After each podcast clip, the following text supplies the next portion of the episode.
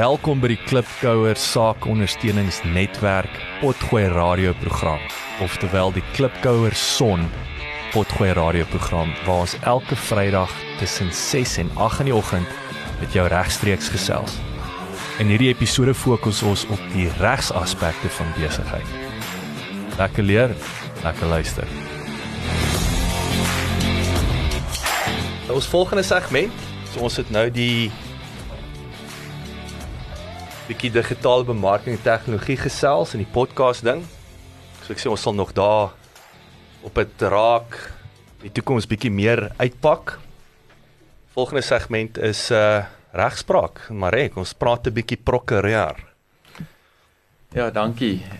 So daar's heelwat goed wat 'n mens kan sê wat interessant is in die reg. Dit is baie maklik om vervleg te raak in allerlei tegniese aspekte en hierdie regter het hierdie ding so en so geïnterpreteer en hierdie latynse sin beteken nou van nou af so in 'n grondwetlike konteks en goed, maar ek dink op 'n praktiese vlak is dit belangriker en meer relevant om te gesels veral in 'n forum soos hierdie oor wat is die impak van sekere regsbeginsels. En nie net ehm um, die regsbeginsels as sulks nie, maar ook die koste daarvan om 'n sekere regsbeginsel te wil glo of afdwing of daarin vashou. Prakties gesproke, byvoorbeeld, veronderstel iemand skuld jou geld en jy gaan na prokureur toe en jy sê, "Hey, Dewald skuld my R20. Help my om hierdie R20 by Dewald te kry." Ja, dis die prokureur se werk om dagvaarding uit te reik en briewe te skryf en so, maar eintlik is die kliënt se behoefte om die R20 terug te kry. Nou as ek begin om vir Ernest R50 en 100 en R200 te vra, om daai R20 te jaag, dan sit lankal nie meer die moeite werd nie.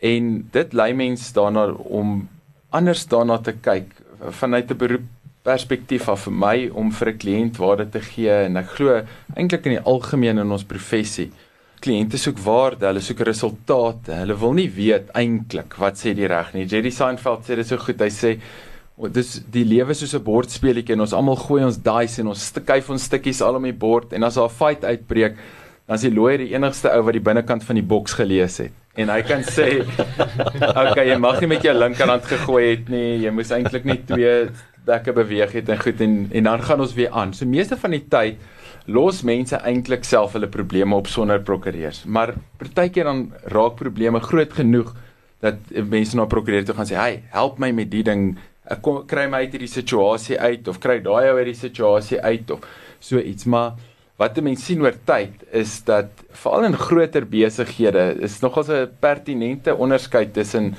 baie korporatiewe besighede en klein SMEs en so is dat die korporatiewe besighede het baie funksies in die maatskappy wat nie net core business is nie. Hulle verkoop nie net toiletpapier en tandepasta en goed nie.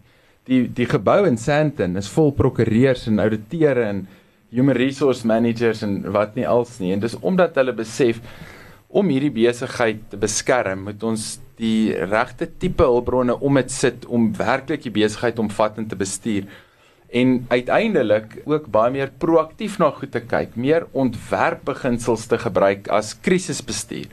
Om te sê waartoe gaan hierdie? Wat in watter konteks vind hierdie plaas? Wat is waarskynlik meer en minder waarskynlik om te gebeur? Watse risiko's kyk ons na en om proaktief te wees spaar uiteindelik baie meer geld as om te wag tot die fight uitbreek en dan iemand ten duurste te kry en sê help my om hierdie ding nou te verstaan en op te los.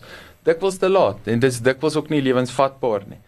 En ek dink dit is 'n uh, voorbeeld van iets wat 'n mens weet van 'n perspektief op die reg en wat is die impak van sekere regsbeginsels eerder as net beginsel self. So, so ek ek dink net wat ons wil graag net um, tentoonstel is die die gedeelte hierdie oor regspraak is om te sê hoe beïnvloed dit jou as 'n SME?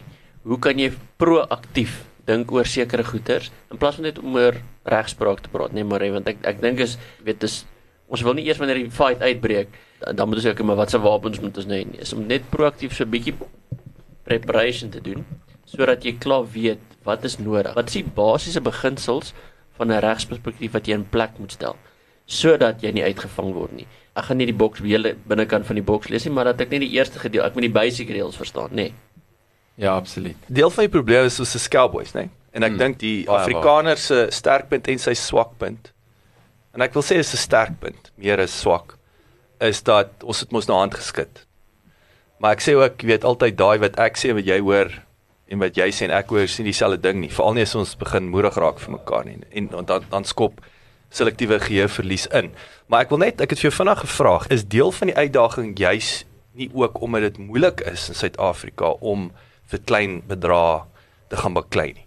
Jy weet ek dink het al vir jou storie vertel in Engeland kon ons suksesvol vir ek onthou die een fight was 700 pond. So ons praat van 14000 rand.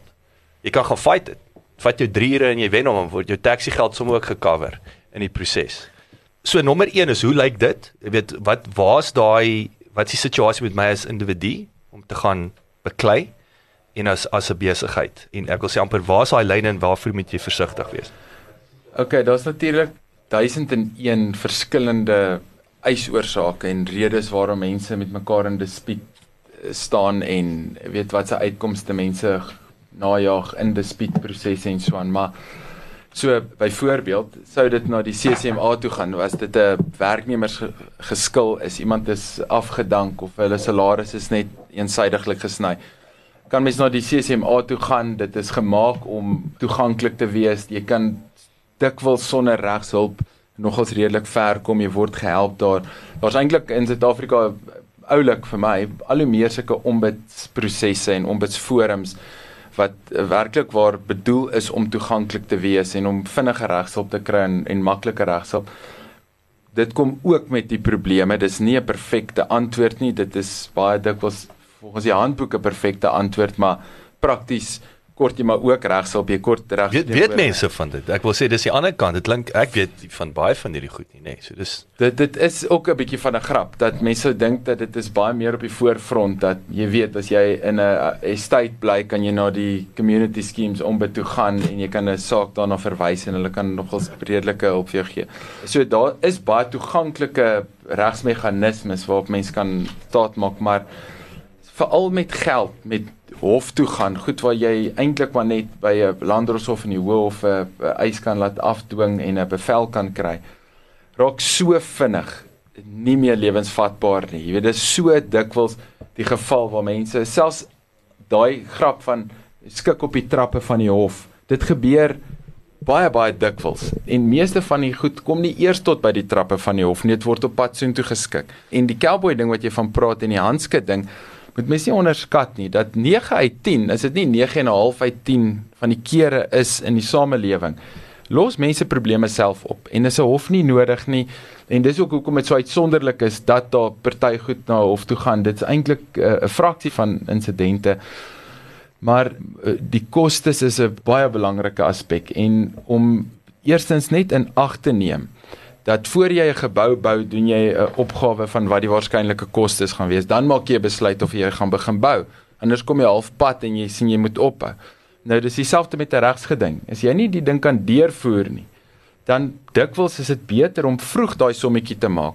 Jou laaste kat en te sê, "Hey, kom ons eh, skik hierdie ding of kom ek skryf dit af.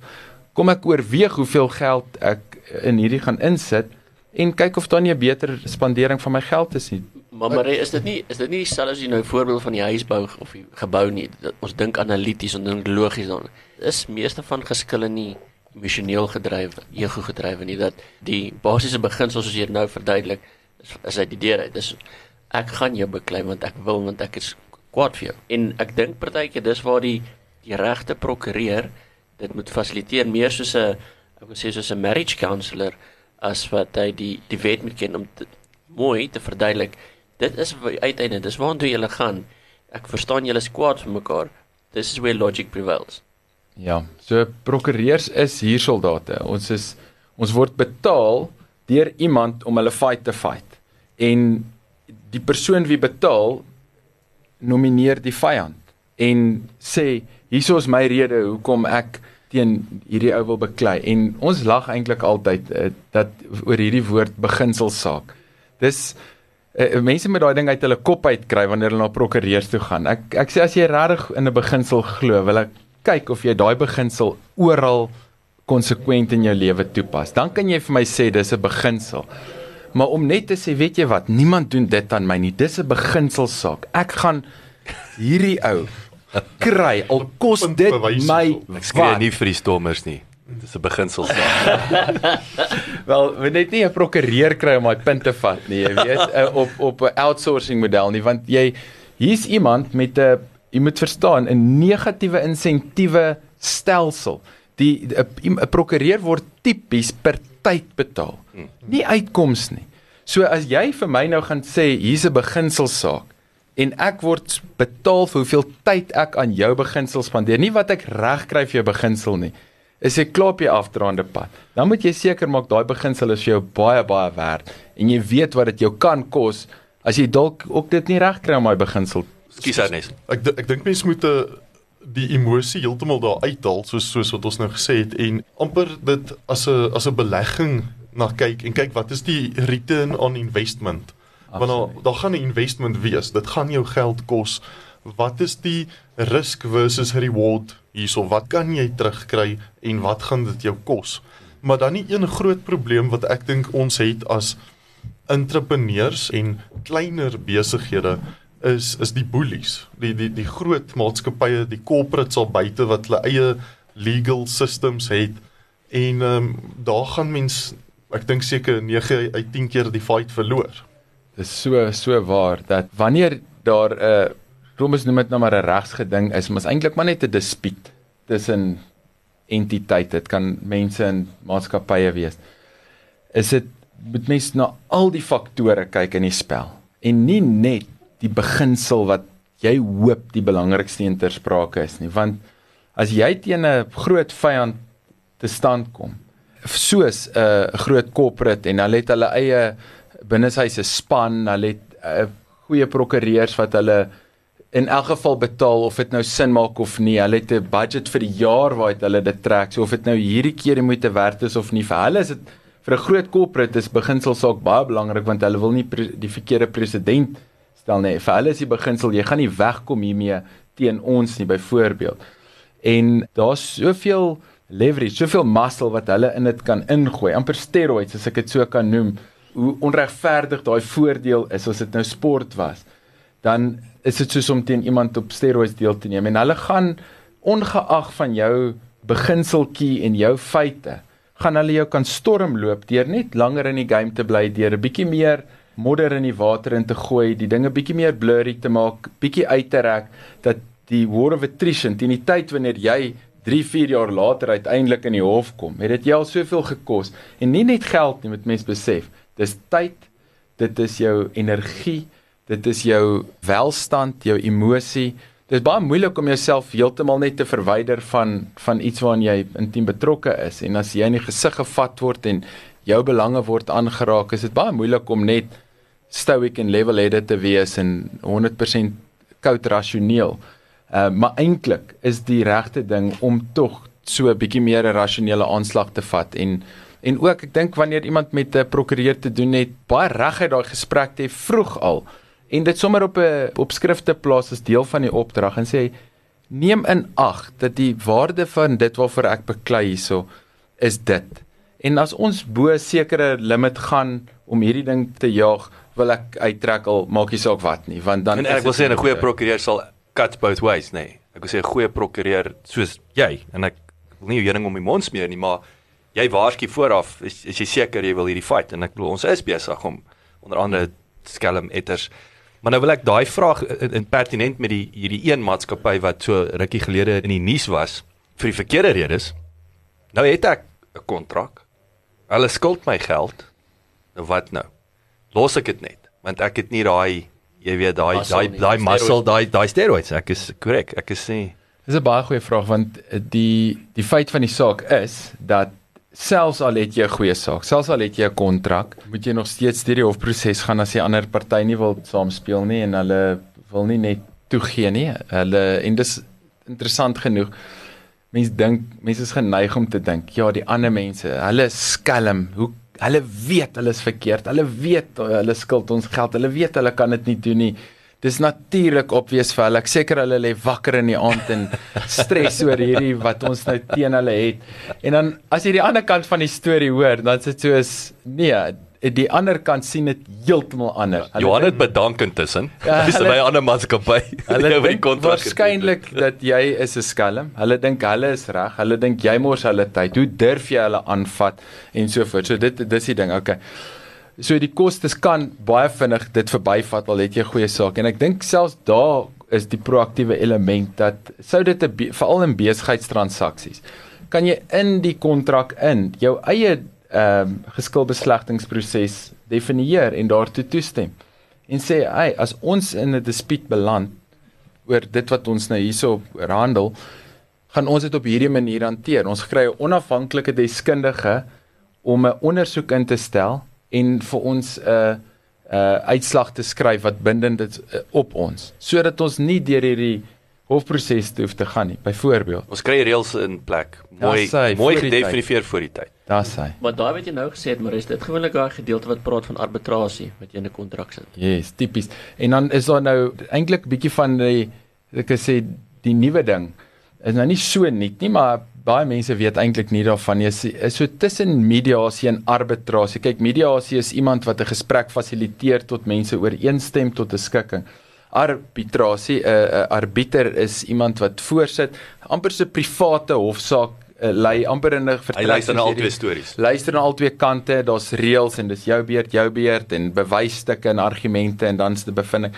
Adjudication is wel 'n middelganger ding wat ek dink veral in die konstruksie-industrie ontstaan het waar daar nie altyd tyd is om te gaan stop en 'n probleem op te los en dan aan te gaan nie. Ons moet beweeg waar 'n onafhanklike persoon wat kundig is, die 'n 'n meer vloeibare proses kan volg en in plaas van om met streng reëls alles te probeer reguleer, meer wat hulle noem inquisitive is, meer ondersoekend is mm. en die antwoorde self soek en sê ek hoef nie als te hoor nie. Ek wil net hierdie 2 of 3 vrae vra en kom ek terug na jou toe. Nou vra jy daai en daai en uiteindelik kan daai persoon uh, vasstel sê, "O, hier's eintlik net een of twee goed wat ons regtig moet bepaal en dan kan ons die bevinding maak." En die snaakse ding van hierdie adjudication proses eh, wat baie meer informeel is en baie anders as die tipiese ehm um, wat hulle met akkusatoriese accusatorial hierdie ek versus jou Jou skuld. jou skuld jou skuld nee dis jou skuld jou skuld is meer 'n ding van kom ons vind die feite Sê dit- wil ek seminar. ja wel ek sal 'n bietjie Meer meer kansler, ja. het- Kom ons kom ons Kyk maar dit kan ook backfire, nê. Nee. maar jy bring ja, jy bring albei na die tafel toe en sê weet want as iemand net soos in die middel Hmm. die kanseling is, is maar eintlik is julle albei verkeerd. Weet ja iemand jy wil iemand hê wat 'n bevinding kan maak wat sê hy is verkeerd sy is verkeerd of is nie eers altyd hy of sy is verkeerd nie dit is Maar, maar ek dink partykeer is dit ook nie verkeerd nie. Is ja dis presies hoe jy dink aan dit. Yes. Want partykeer is jy nie heeltemal verkeerd nie, is net o, maar ek het nie besef jy's ongelukkig met my nie. Ja. Dan is daai partykeer jy net daai iemand moet net vir jou dit sê. Ja. En, en, en iemand anders, behalwe die ander kantste party wat Mm. wat ehm um, wat nou wil beklei. en en daar maak jy 'n baie goeie punt dat ehm um, met adjudication vind hulle dat ag dit is 'n ou statistiek wat ek gehoor het maar ek glo is eintlik waarskynlik waar is dat hulle sê in 98% van gevalle aanvaar mense die uitkoms van 'n adjudicator al is dit nie so perfek jy weet na soveel uh analise en en deurtrap van die kwessies en goed nie net want dit bring finaliteit. En daarin lê eintlik 'n baie baie belangrike goue sleutel wat almal moet onthou is dat finaliteit is meer werd as geregtigheid. Jy dink jy soek geregtigheid. Ek kan jou nou sê, jy doen nie. Jy soek finaliteit. Dat as jy regtig getoets word, gaan jy uiteindelik meer waarskynlik sê kan ek net hierdie agter my rug sit. As ek gaan nog 2 jaar gaan. Ek gaan nog 200 000 rand spandeer. Ek wil die einde van hierdie ding sien. Dit gebeur super selde dat daai die motivering is as daar nie 'n baie belangriker kommersiële of um, belang. Jy wil net hoor wat sê Judge Judy Kuyter vir jou. Maar maar wat is nie ek ek ek dink dit is belangrik oor die finaliteit is uh, dit gaan nie net oor die geld wat jy spandeer aan regskoste nie. Ek sit ek ek, ek noem dit altyd mind space. Hmm. Weet as as jy nou in die aand wakker lê Hmm. oor hierdie geskil, wat beteken dit? Hoeveel verloor jy nie in jou besigheid nie? In, ek meen ek meen ons praat nou oor 2 3 uh, geskille kan lank aangaan. Waar kan jy jy het nou dalk beklei oor 'n oor iemand wat jou koffiekoppie gekopie het. Maar hoeveel ander idees kon nie meer opgekom het in tussentyd wat nog 'n groter wen kon wees het waar ek dink altyd mens al teruggaan waar kan jy wees? Maar maar ek dink is weer eens ons is ons is mense, ons is emosioneel. Partykeer raak ons vas in hier soos jy genoem die beginsel saak. Ek dink jy het, jy het 'n oulike storie nou reg verduidelik ehm um, van as ons in die as ons in die bar sit in die ou vat in jou in jou jou meisie se bout, jy weet um, en die media het ons maar okay, okay so ek gaan dit los, maar ek wil net gou 'n laaste klap gee op pad uit. Weet nee, jy moet dit nou los. Ons moet nou weet jy moet is dit los. Ja, dit eintlik soos in 'n in 'n bar fight is daar nie 'n wenner nie. Daar's net altyd twee losers. En dis omtrent hoe dit werk met regsgedinge dikwels en ek kan nou nie sê dit Al het nou nie welkom se bar fights gesien nie. Daar daar is daar is duidelik daar is verloders. 'n duidelike verloder. maar ek bedoel die die waarheid is dat jy wil eintlik uit die fight uitkom. Jy wil wegloop al het daar ongeregtigheid geskied. Is dit baie dikwels die beste om die fight self te um, vermy en jouself te vra wat is die beste gebruik van my tyd en hulpbronne? Presies wat jy sê, Dewald, dat is dit iets wat ek regtig wil verder geld in belê en eintlik op risiko plaas? of is daar dalk 'n beter manier wat ek daai selfe geld kan spandeer, ander geld kan maak en en oor kan begin met 'n skoon ehm um, gedagtes. En uh op 'n laaste uh, punt ook ons gaan uh, kyk uit maar hy gaan ehm um, wat ons ook in die begin hierdie podcast ding alles wat ons hier doen is dit dis daai gratis ware toevoeging nê nee, wat ons hier doen. So maar hy gaan ook 'n uh, 'n uh, standaard uh, service level agreement instel wat ons vir jou jou, jou besigheid daar wat jy kan bietjie tweak maar ons gee vir jou fondasie om seker te maak daai daai handskit is 'n bietjie meer formeel uh sonder verrassings. Dankie dat jy geluister het. Besoek asseblief ons webwerf by www.klipkouers.com. Teken sommer in sodat ons jou op hoogte kan hou. Baie belangrik gaan luister na ons ander potgooi reeks en episode op Spotify, Apple Podcasts of YouTube baie belangrik as jy hou van wat jy hoor, los asseblief 'n resensie sodat ander lekker mense soos jy van ons episode te hore kan kom. En kom volg ons op sosiale media. Besoek net vir Klipkouers op Facebook, Instagram, Twitter, TikTok en natuurlik LinkedIn.